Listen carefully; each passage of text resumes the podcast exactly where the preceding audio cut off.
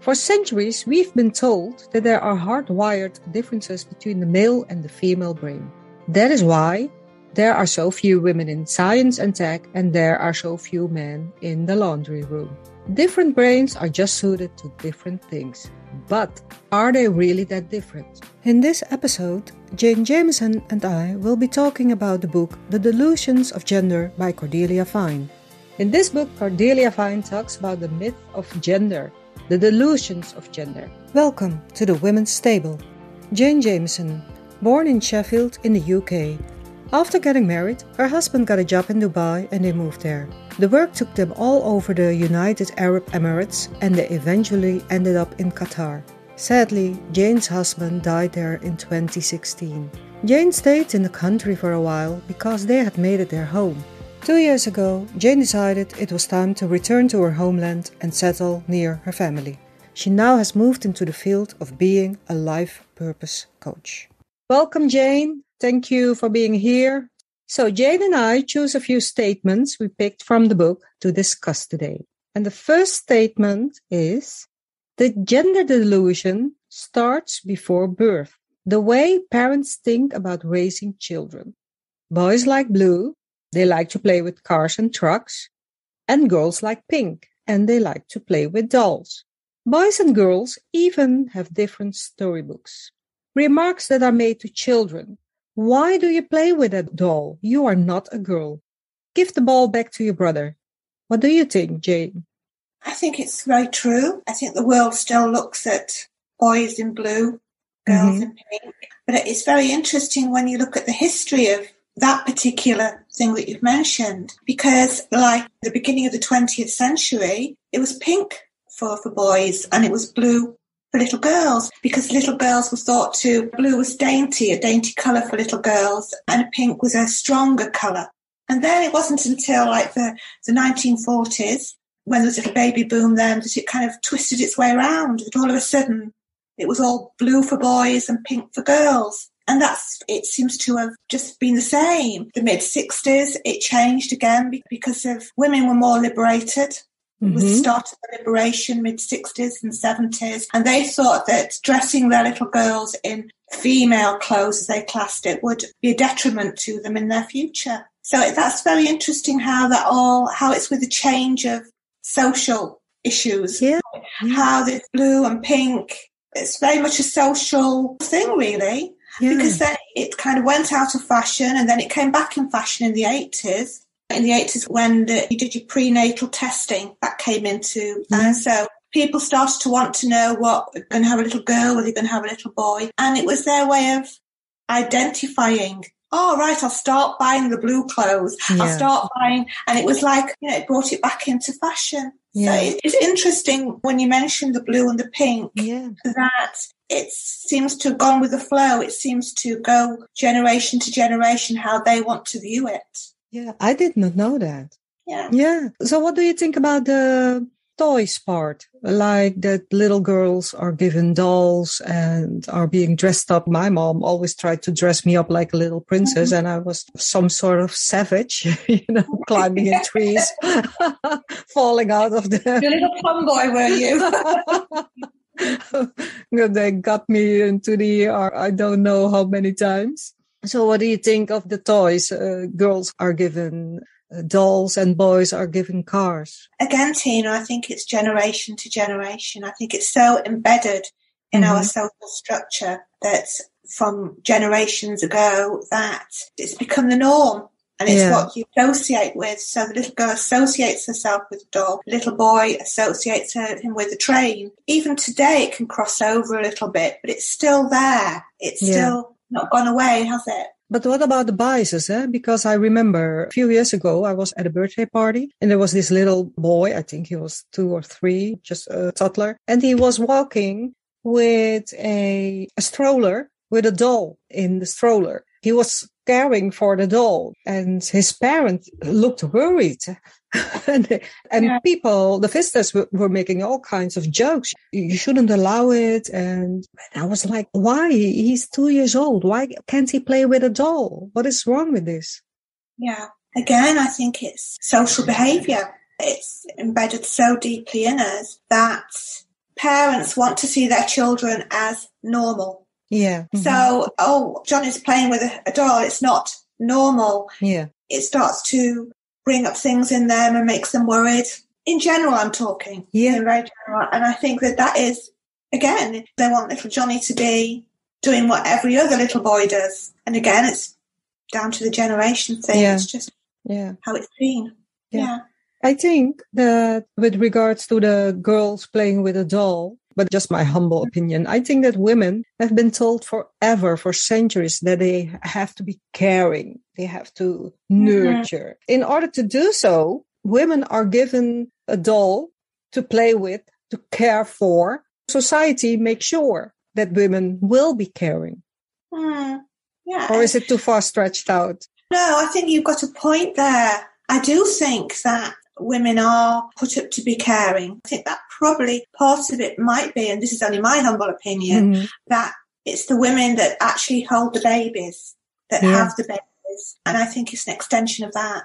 I think Yeah. they're given the dolls to show that they are caring because they're the ones that will be carrying a baby. It goes in that direction a little bit. Years and years and years ago, that was the psychological reason behind it to show that this is how you look after something. Yeah. give them a doll. Yeah, yeah, I think so too. And boys are being taught to be tough and strong. And while playing those boyish games, they can take risks. That is how they are raised to be playing wild and boyish Mm. games, whatever that might be. And girls are being taught to be careful and not to go wild like the boys. Don't play in the mud. That will mess up your pretty dress. Yeah.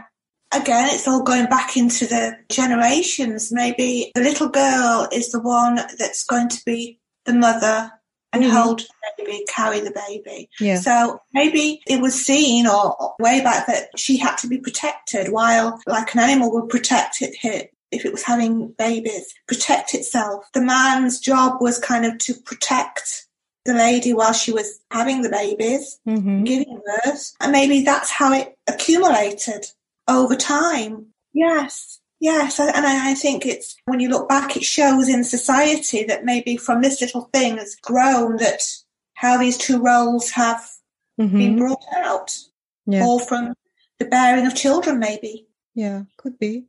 Just staying with those little girls. Little girls are being taught to be patient and wait for their Prince Charming, like Cinderella and Sleeping Beauty. Yeah. Just be beautiful, and someday your prince will come along and you will live happily ever after. Hmm. Boys are being taught to be independent, to be intelligent, to be straightforward, and to go after whatever it is that they want, while girls are being taught to be silent, to not speak up for themselves, and to be patient. Okay, I would say, do, you think that's strictly a view today? Because I would say maybe decades ago, the Victorian age was very much that, that a woman was all about getting married, wasn't it? And about Yeah. having a respectable life and doing the proper thing. I think it's been a bit more diluted over the centuries, over the decades, may I say. I mean, I think in Victorian times and before that it was, but then um, you come into the 20th century and things did start to change Mm-hmm. little by little by little, like you from early, like say 1917, women didn't have many rights. They Mhm. were quite stifled. But as it all went along, then you got your MPs in, in Parliament. We even had a British Prime Minister, you know, Mhm. English Prime Minister. The rights of women have changed over the time. I, I think it's not as not as quite as like that as, as, As it used to be. So do you believe that? That women can speak up nowadays? Do you think so? I, I think it's becoming a very political correct world, Mhm. Tina. I think it's changing. I don't think it's there. I, I don't think we've got equality by no Mhm. means, but I, I think we've come a long way. Yeah. Yes. As I say, in 1917, women couldn't vote. They couldn't get legal protection Mhm. from marital rape or initiate divorce. Mhm. Come a long way. That's a hundred years. Come a long, Yeah. long way. I. Yeah, yeah. I am reading a book right now. It's a, a book by a Dutch author. The book is called New Female Leaders. And in the Netherlands, I'm not sure about uh, the UK. Until 1994, women couldn't even press charges against their husbands if they were raped within marriage. 1994. Wow. Mm. And how about now? Can they do that now? Yes, they Can can. Yeah. Yeah. Rape is rape. But before, it was your marital duty. Yes. Your husband wanted to have it and you had to give it. Yes. You had no choice. You had no choice.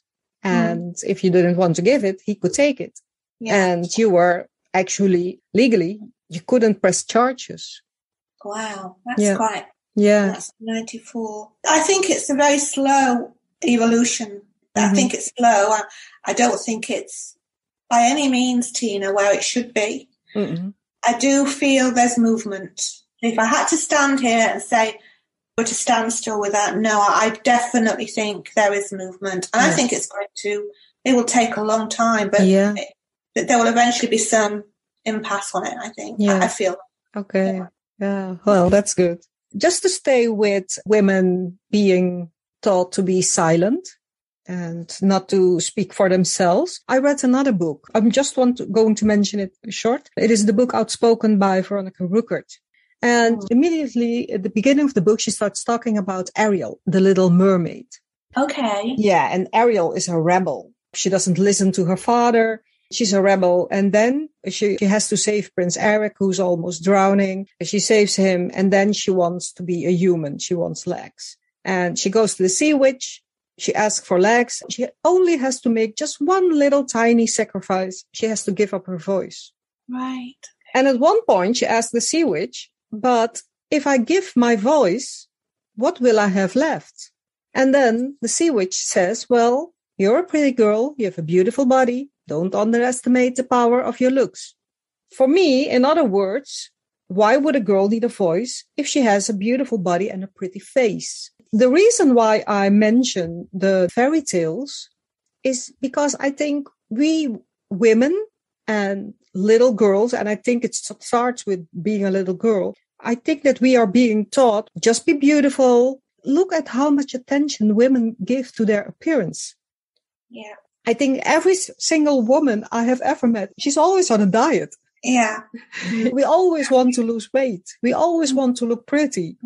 The thing Veronica found the most disturbing was the fact that Ariel did give up her voice. She chose to give up her voice for the love of a man.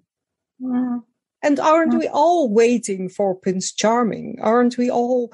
I mean, I do read the books, the chicklets. I watch the movies where this man is treating all women horrible, but then he meets Jane and then he falls in love and everything uh, because you are a different. When I'm talking about the fairy tales, it's like we are being taught from the beginning that we have to be beautiful and we have to be quiet and we have to wait for Prince Charming and Yeah. he will take care of us. Mm. I think that there's a mixture here. I Mhm. do believe that it, it starts at home.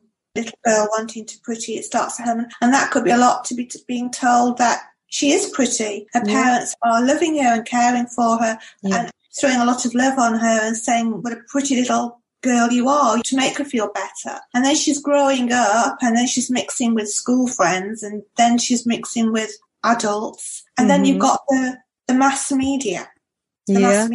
advertising, and what you should wear, how you should wear it, how you should wear your makeup. And I think this is just a you're surrounded by it all. So you, you either, I mean, some girls don't accept it, but some accept it or they go with it. I'll be honest with you, Tina. I am astonished at how young little girls are growing up these days, Yeah. even wearing false eyelashes. Yeah. I'm, I, I'm totally quite shocked by it, to be quite Yeah. honest. They really are growing up quick. Yeah. Really. And Yeah. it seems to be trends, and the trend is the fashion. The Yeah. fashion is the media, mm. or provoked by the Yeah. media. Yeah. So it's kind of a circle. Yeah. But if you look at social media, Instagram with the female influencers, and then mm. everything is about their looks. So they are pretty. They wear what beautiful dresses. They wear bikinis. They have wonderful bodies. That's all fine. But then they have uh, little girls and then they pose with our girls in exact the same outfit. And it's like little me. And I, Yes. and the little me is wearing makeup and lipstick. Yeah. And little me is four years old. So yes, as I said, it, it starts from them being little. It starts Yeah. from how influence, and it's like you know, and a lot of these mothers are young mothers. Yeah. So they're young, so they're in the young trend, and so they they don't think twice about letting their little me's follow them. You know? Yeah. It's like Yeah. a circle. It just just goes on and on and on. Yeah. Yeah. On the other hand, if you are being taught that you have to be silent and be patient, if you get this message when you're a little girl, looking at myself, listening to my girlfriends, how many times at the work floor, in the home, how many times do you not think to yourself, okay, I'm not gonna respond to this. Never mind. It's not worth it. Bygones. While the other person, whether it is a coworker or your partner or your husband, gets to have the last say. I do it also. I also do it with my husband. Something happens, he says something, and I'm like, okay, forget it. Never mind. I'm not going to respond. Why am I doing that? Um, Tina, can I just recap on that? You, you mean to say, as a woman, you're quiet? Yeah. You mean Yeah. you're quiet when it's a co-worker is a man? Is that what Yeah. you're saying? Yes. absolutely. So you you feel, I suppose, Tina, that's that's an interesting fact. Maybe you just, I mean, I've done that just for a quiet life yeah. because you feel you. I don't know, Tina. I, I think that can be maybe it can be because you do feel that he is dominant one and he should have his say more. Maybe that's ingrained in us that we should do that right Mhm. from being a child. Or it could be that you just feel at, at times as a, a small percentage that you just feel you want to have the, let them have the say and you don't feel you want to contribute. You don't feel Yeah. it's an interesting thing to note. Yeah. Yeah. Okay. Do you think there is a significant difference between parents raising a boy and parents raising a girl? Yes. Yeah. Yes, I mean that might be the wrong answer, but I, I think that even if somebody said no, there is a subconscious way that you handle a little boy to the way you handle a little girl. You might make allowances for the little girl in a different way to what Mhm. you make allowances for the little boy. Yeah. And I think that's not going to really change unless we change our whole frame of mind. Yeah. I think there was a part in the book that we read Mm-hmm. about treating the little boy and the little girl and how they would start off doing it equal. Yeah. But they just couldn't. No. So, as I say, I, I- yes, I in a yes and no situation, I would say definitely yes. Yeah. And even if you feel you're not doing it, you would be doing it in a subconscious kind of way Yeah. because it's they're two little different beings. Yeah. So, well, what do you think is the biggest difference in raising a girl and, and a boy? Do you think parents are more careful with girls? That Yeah. boys get more freedom? Yes. Yeah. Yes, I would agree with you there. And you know what, Tina, on reflection, when I'm thinking about that, I think it all comes down to this thing about little girls will grow up maybe to have babies. That caring thing that, that, that before it's even all started. Yeah. Uh, For instance, like a father will kind of be a bit suspicious of the boyfriend coming Yeah. along, but maybe that is because it's, it's all going to be part of their future, the grandchildren, the whole, he can see everything happening. And the little, again, the, the little girl needs to, not needs to be, but maybe is seen as being, having to be protected Yeah. because she's bearing everything. She'll be Yeah. carrying the Yeah. future. Yeah. I think that's got a little bit to do with how it reflects on little boy and a little girl. Yeah, yeah. The other day I was talking to this woman and she said that when she was a teenager, she was about 16 years old, her parents got into a huge argument mm. because she has a, she has a brother and her mother wanted her when she went out in the evening, her mother wanted her home early and her Yes. brother could go out and come home whenever he could. Yeah. That, Yeah. that didn't matter how late he came home. She had mm-hmm. to be home around 10 or 11. And mm-hmm. her dad was like, well, that's ridiculous. If he can go out and come home whenever he wants, she can do the same. Right. And she said, well, I got it because my dad was like, we have to treat them equally. And my Mhm. mom mm-hmm. was like, yes, but she is a girl. If she is out there late at night, she could be uh-huh. in danger Mm. because her mother wanted to protect her. And now she's in the same position with her two kids and she doesn't know what to do. Yes.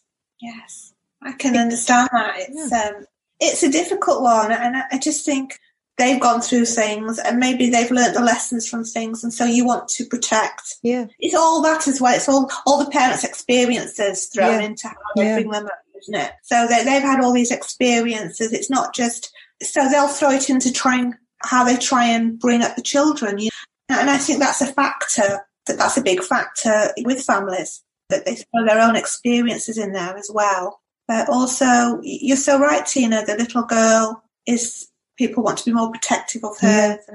Yeah. boy. Yeah. He's expected to be stronger. He's the one that will have to protect his little wife Yeah. one day. And Yeah. so he's got to get used to that. I suppose psychologically, they're trying to build a pattern there. Mhm. Or Mhm. so they're trying to build a pattern that's going through all the generations. That it's, Yeah. it's all about purpose that a little boy has on this earth and the purpose that a little girl has on the earth. Mhm. If you had to put it basically, Tina, they both play a part in reproducing the next generation, Yeah. but they have different roles in that. It becomes the, as we've said, and it's the woman's part is different to the man's as it all unfolds. They both Mhm. have their own sequence. And I suppose parents or the social world, we've got that into the, their brain and they're, they're trying to treat them in the way that they have to go through life. Mhm. If you know what I mean, the man has got to be the protector of the woman who's having the babies. Yeah. You see what I mean? I, I know that's a very small part because there's so much more to, to life, Yeah. so much more. Yeah. But that is the basic, when you think of it, the basic roles of the two Yeah. sexes. Yeah. If there's Yeah. a big difference, that's the difference, isn't it? Mm-hmm. Yeah, absolutely. Okay, thank you. Okay, now let's move to the second statement. The second statement is a quote by Gloria Steinem. The idea of having it all never meant doing it all. Men are parents too. And actually, women will never be equal outside the home until men are equal inside the home. I think it's quite true. I think they've got to, I don't know, delegate on that. I think there again is showing two areas that the woman's been put in the home, the man's been put as the breadwinner, the work Yeah. worker. I think both sides have got to work at that a bit to be accepted on the other Yeah. side. Yeah, yeah. That's yeah, the only way. yeah, Women can show what they can do, and men can show what they do. They do. I think it, that's something that might happen with generations that they, Mhm. They they might be able to do that if they wanted to. hmm Because I think that men are being judged too. I think that Yeah. if a man is a stay at home dad while his Yeah. wife has a career, I think he's being judged by society too. to mingle and make it equal, it's going to take a lot more work, isn't Yeah, it? It's going to take a lot more acting out, if you want. I think there should be less harshness with this, how you see men and how you see women. And I, I think that it might come to a stage where if women could just say, well, and show that I can do this Mhm. and I am better than a man. And the man can understand that. And the woman can understand that a man sometimes can do better things than him. Yeah. It, it becomes some compromise Yeah, there's a lot of infighting, and I think that I think it gets a bit lost. yeah. So it's now more like a competition. Yes, I mean I think things have changed. Like like we talked about, they've changed since the sixties and the seventies, Yeah. where women came out fighting. Yeah. Well, that was the beginning, but then it, it has to calm down to a level where you can come face to face and really start to see each other's roles a bit more with empathy and with Mhm. understanding.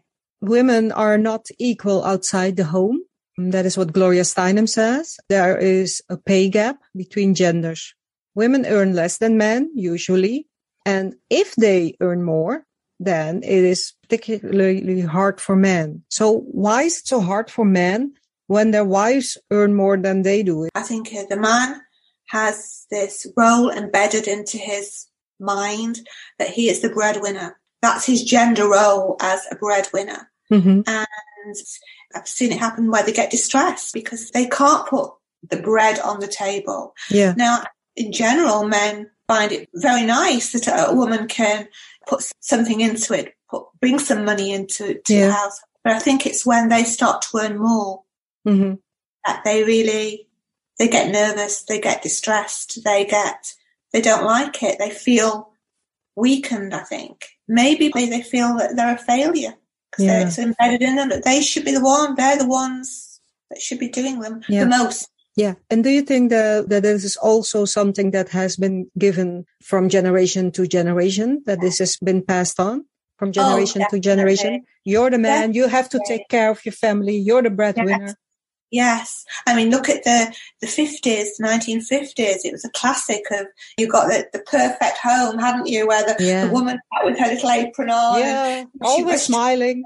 Yeah, was, the oven on at six o'clock, cooking her cakes or whatever, and, and, and he'd rush in and there's a little peck on the cheek, and he'd have his briefcase, and they'd walk in, there'd be two children sat at the table, their orange juice. it was like the perfect home. Yeah, and of course, I mean, their children think that's the way to act. So yeah. Like, mm, yeah. generation to generation. Yes, definitely. Yeah. I also read this article that in the 70s and the 80s, as a woman, as you went to work and you had a job, I talked to a cousin of mine and she said that, well, I had a job and people got upset with me because I had a husband and he could take care of the family. And now I was taking this job from someone else. I was actually stealing this job. And it was also a embarrassment for her husband that she went to work. It was like as if he couldn't take care of his family on his own.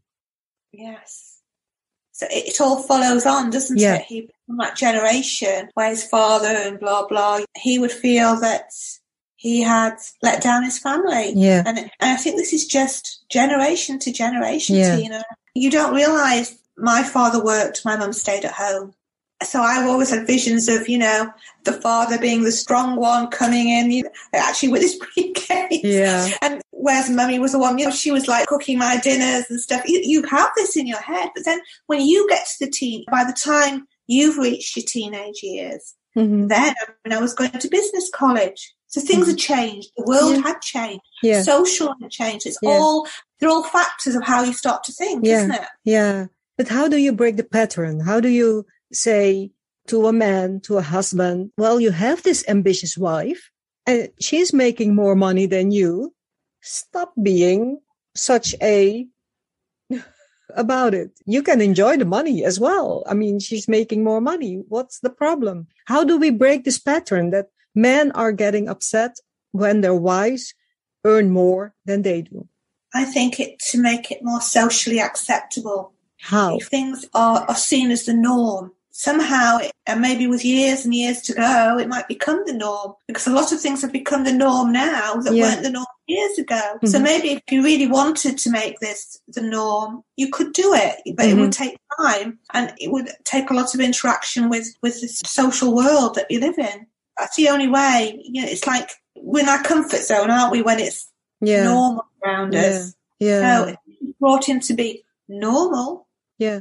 But don't you think that if that it also depends on the way children are being raised? Because I think that if you have a little boy and he sees that mommy goes to work and has a good job or a good career, then maybe later on when he's an adult, he won't mind that much that his wife, his partner earn some more than he does. Isn't that the way maybe to change things? Definitely. That's the root of it. I would definitely say that, Tina. Yeah. I think all this does come down to the family. Yeah. Yeah. The family unit, because that's where the child starts to learn, right? Before it's even made friends with anybody. Yeah. That's the root of it. That's where it, it observes and it, and it takes in things that are happening. Yeah. Because when you say, Tina, how many times have, you know, as an adult, you've said, well, you know, our parents used to do that when I was little. You know, you remember their ways and little things like that. Then you kind of that's you incorporate into your life, don't you? Because it happened to you. Yeah, yeah. I also read that when men come from a progressive family, a modern family, and they have mom with a career, a mom with a job, they are more likely when they have a top position within a company to promote a woman to a better position. And they accept it more when uh, his wife wants to have a career or a job than a man who comes from a conservative family and he had a stay at home mom. This guy will more likely not be giving a woman a promotion to a better position within the company. And he probably will not like it either if No. he has a wife that Yeah. wants to have a job. Totally agree, Tina. We're going over the ground that we, we'd already Yeah. talked about. You're so influenced by Yeah. your parents' roles that you will subconsciously or consciously imitate it. I, I truly believe that. I've seen that happen many times. Yeah. Because go back to your childhood. Yeah. that's, so Yeah. you trying to carry that on, aren't you? Yeah. Definitely. Yeah. So it starts with the kids. It starts with the family. It Starts with the children. Yeah. Starts with that little nucleus of the family and the children and the little the world that they see when they're younger. How they're affected by it. Yeah. Yeah. The other day I had a talk with a female coach and she told me that femicide, violence against women, just because they're women, femicide and domestic violence increases when women earn more than their husbands. So Wow. that's a big issue. It's a big thing. Is definitely if that sparks it and that's a trigger, Yeah. That, that man is triggering his past really. He's triggering Yeah. what's happened to him. It's all coming out. Because in his mind he's prejudged it as wrong. Yeah. He does not accept it because No. it wasn't what he saw when he was younger, he Mhm. went through, he has experienced, and it's something he's made his mind up about. Yeah. That he's and he's judging. Yeah. So it would be nice if this was brought in as a, a normality, Mhm. which, as you said, could start with how we raise how, how the family unit is, how the family unit works. Yeah. Yeah. Yeah. Absolutely. Thank you, Jayne. Thank you. So let's move on to the third statement. What do you feel has influenced gender socialization the most? Family, education, peer groups, or mass media and society? You Oh, go first. I think I, I like this because this is really brings it all out in the open Yeah. of, of, of, of the issue. Really, definitely go for family. Yeah. Would definitely, as we've just discussed, Yeah. definitely go for Yeah. family because it all starts there. Yeah, I agree. But I also believe that as a woman, as a little girl, if you have a mom who has a job, who has a career, mm. then it's more likely that you will go out there, get an education, get Mhm. yourself a job or career. Because my mom, uh, she, my mom is 86 now, but she was from uh, the previous generation and she was, my mom was real beautiful. She was so pretty and she wanted to get her teacher's degree. And Mhm. her mother, my grandmother was like, you don't have to get a degree. You don't have to Mhm. get a degree for anything. Look at you. You are so pretty. Ariel, the little mermaid, you are so pretty. Just get yourself a good husband and he will take care of you. And my Mhm. mom was like, mm, no. And she got her teacher's degree. Wonderful. Yeah. It's And- wonderful. Yeah, and then I have a sister, and this is something she always told us. Finish high school, go to college, get a degree, get a job. Always make sure you are able to take care of yourself. Yes. Yeah, well, so see how influences, Yeah. how you get influenced, how you are put ideas into your head, how Yeah. you, there's so much, there's so much to it, isn't there, Tina? Yeah. Why you, what motivates you? As I said, I was, uh, my mum worked, was just a housewife. My dad Mhm. went to work. Now, Tina, as a little girl, I can remember we had a playroom and one day I'd be a hairdresser. the next day I'd be Yeah, change, oh, I mean, changing around, what, a shopkeeper, God knows what, a teacher, anything. I was about seven. yeah, Let's play house. So we play house and it's a very interesting fact what you just brought up. In that I used to make a little house, you know, with things, with all my little toys and that and put them all around me and have my little house. And then I just sit in the middle of this house and I think, what am I going to do now? yeah, And I'd see my mum just do her housework. She would be cooking. She would yeah, doing the mat outside. And so I'd do all those things. And then just sit down again. And I'd think, well, I'm bored now. and you know, so, you know, Tina, what with you? Do you know, I don't want to get married. I don't want to do this. I'm never going to get I married. honestly think that influenced me because Yeah. I, I did. I never was bothered about getting married. Yeah. I wanted to go out and I wanted to work. I used to want to go out without my dad. Yeah, I okay. go. Yeah, yeah, yeah, yeah. So it No, can go I- the other I- way as well. It- yes, it's the influence it has on you. Yeah, So this is where, as we said, home, and we agreed on the home is where it all starts. Yeah. That's where you start your Yeah. Yeah. feedling your mind. Yeah, Yeah. absolutely. Yeah, I agree. Let me see. Family education. I think it's all connected, don't you think? Yes, now I think that the media, just the mass media, just emphasizes everything. It provokes it. It Mm-hmm. Yeah. puts it out there for you for people to follow. I do feel education is getting a lot more. I think that's growing in its own way as well, and it has a lot more to offer you now. There's a lot more out there, so I think that is a good thing. Yeah. But all these, as you say, are inter- interlinked, aren't they? Yeah. Society. Yeah, I agree. Yeah. Okay. We'll move on to the last statement, Jayne. Time flies when you're having fun. yeah, it does. Oh, it does, Tina. okay. So, last statement. What do you think has inspired women to move from the gender roles of the past when the man was seen as a breadwinner and the woman was in charge of the household? How do you see the role of women in society to have evolved in 20 years? how do I see the women now in 20 years? How, Yeah. how progressed? Yeah. I think there will be progress.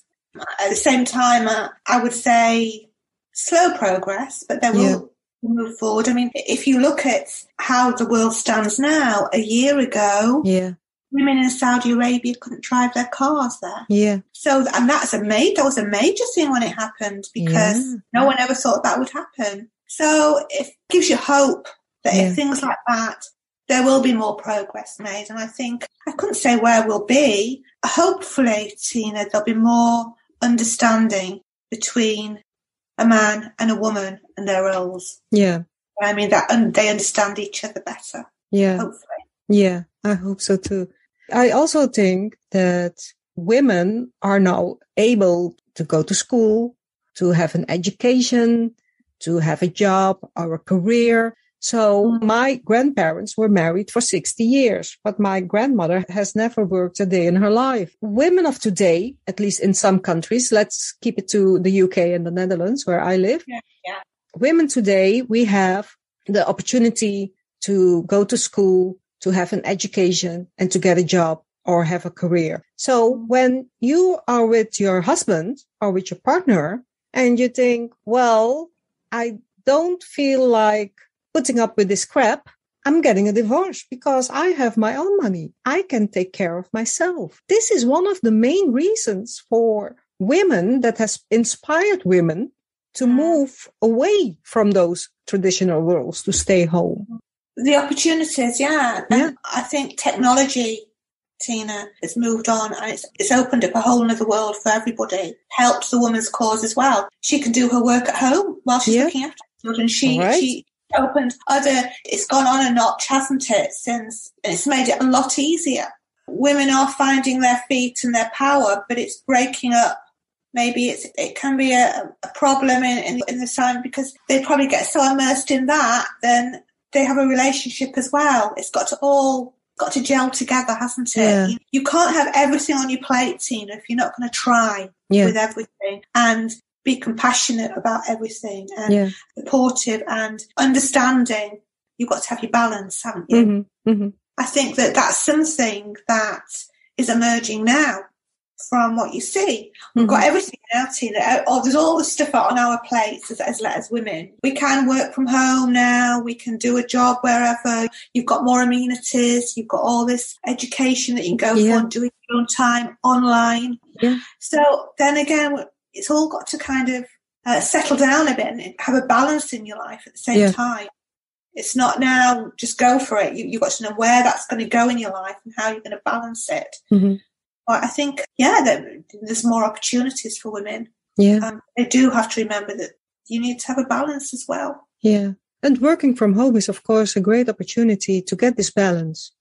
Yes. I think, yeah, and I think that's showing, actually, I think it's a good thing because it's showing women and it could be a good balance for them. They've got Mhm. this opportunity to, when they felt it was a little bit imbalanced before, then now they could maybe, they've got more options now. Yeah. Yeah. Make it work for them. Yeah. They want to make it work. Yeah. Another thing that has inspired women to move from the traditional gender role to their part of today, to present day, is that women have been oppressed, of course, for centuries. I mean, since the early 1900s, that it isn't that long that we got our voting rights. Yeah, yeah. Um, yeah. And I think that at one point that women were fed up with, with the oppressor, with patriarchy. What the hell? Because I'm a woman? I mean, Mhm. till the, the 50s, the 60s, if you had a job and you got married, the day you got married, you got fired because you had to stay home and take care of your husband and your Yeah. family. And if you were an essential worker, your salary was paid to your husband. So I think that women fought for our rights, some of the rights we enjoy today. And I think that women got fed up like we want the same rights as men. Yes. I think that is also a, a great, a huge inspiration to move forward, to move away Yeah. from the traditional role to the modern role she fulfills today. Yes. Well, you know, you can look back in history. There was the suffragettes. Yeah. I was I've been watching a, a weekly program. It's a series, a very old series actually, and it's all set back in. It starts off in the suffragettes, and and it's about a family living in London, Mhm. well-to-do family, set at the turn of the century. It's fascinating because that you're seeing this family go through history and how they gradually change, and how the fashion changes, and how their world changes. The World War comes, the First World War starts, and you can actually see it on screen how all the influences that changed. How, for instance, in this first world, the suffragettes come along and they're chaining themselves and they're, they're, they're out to fight. So women start feeling, wow, look at these women, what they can do. You follow, do it, see it. And, and so you can sense the difference now in, in all the women. And then there's like the First World War comes along and women can go and be bus conductors Yeah. on the buses. So you can see it's gradual change Yeah. and how mm-hmm. everybody the, the war i think the war's changed Oh, because the, the genders whereas i mean our queen she was a driver she drove trucks in the war it kind of like i think it changed things i think it changed that we all had to work towards Yeah. this one goal Yeah. so males and females had to do similar jobs Yeah. there's all this effect on us isn't there tina Yeah. Yeah. I think so too. Yeah. So where do you think women will be in 20 years? I think we'll be stronger, have a stronger position, Tina. I think it's Okay. only got to go one way. I think if you look at the past, each generation's got stronger. Each generation, women have voiced, put out their voice, and each generation their own little way. Yeah. And it's all been like baby steps. And Yeah. I think it, there'll be a few more baby steps. And I think Yeah. women will be stronger. Yeah. And I think uh, it will evolve, yes, because I think they're, they're going that way now. Yeah, I completely agree. The other day, I did a podcast with Ruth Sinclair. She's an author. She wrote a book, Sexy Leadership. And she told me, and I would like to end uh, with her quote. She said, men and women are not the same. Neither do we women claim to be. We women are different than men. For starters, she says, we have a different body. We are absolutely nothing alike, but we are equal. We are not the same, but we are equal. And I must say, I love this statement. Well, I think it's very clear cut. I think it's wonderful. Yes, I think that's putting it in a nutshell because uh, we are very different. How we're made and everything like that. We we are different, but we're equal. Yeah. Yes, but I think that equality should come not by revolution. Mhm. I I think that quality should come through an understanding. We, Yeah. we, we've come so far now. We're, we're in the future now, and I think it should become by an understanding between the female and the male. We're kind of on that course now. I think it's it's changed. Yeah. We've done all the groundwork, and now it's going to be done in a different way. I think. Yeah. So you're quite optimistic. Oh, I am. I am. I'm very. I think to be optimistic, I mean, you just got to look at the past and how, Yeah. what happened there. Things have evolved. And of course, it can only go that way. There's only one way it can go, isn't it? Yeah. So, very optimistic, Tina. Yeah. The only way is up. The only way is up and onward. okay. okay. Jayne, thank you. Thank you for having this talk with me today. It's been wonderful, uh, Tina. I've really enjoyed it. Yeah. And it's quite a fascinating subject, which is very relevant to our world. It's, Yeah. it's very, very Yeah. interesting. Yeah, absolutely. I agree. I appreciate you showing up I hope a lot of women will be inspired by our talk and see the gender delusions for what they are. And not only women, also men. I call out to men because we women need men to change things to make a difference. We need everyone to make a difference and move to gender inclusion. And when I say inclusion, I mean inclusion for everyone because today we talked about female and male and men and women. But of course, there are more than two sexes uh, nowadays. So when I say inclusion, I mean inclusion for everyone and not just for men and women. I just wanted to be clear on that. Yes, I agree with you, Tina. That's yeah. a very nice statement that you made. Yeah, okay. Thanks again, Jayne. Thank you.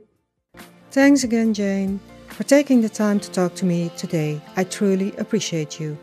In the next episode, I will be talking to Esha Mendiratta about female leadership and why she thinks it is so important to have more female leaders within companies. Esha is an assistant professor at the Faculty of Economics and Business at the University of Groningen in the Netherlands and has expertise in corporate governance, particularly board of director composition, CEO compensation, and gender diversity on boards. Thank you all for listening. My name is Tina de Keizer, and this is the Women's Table.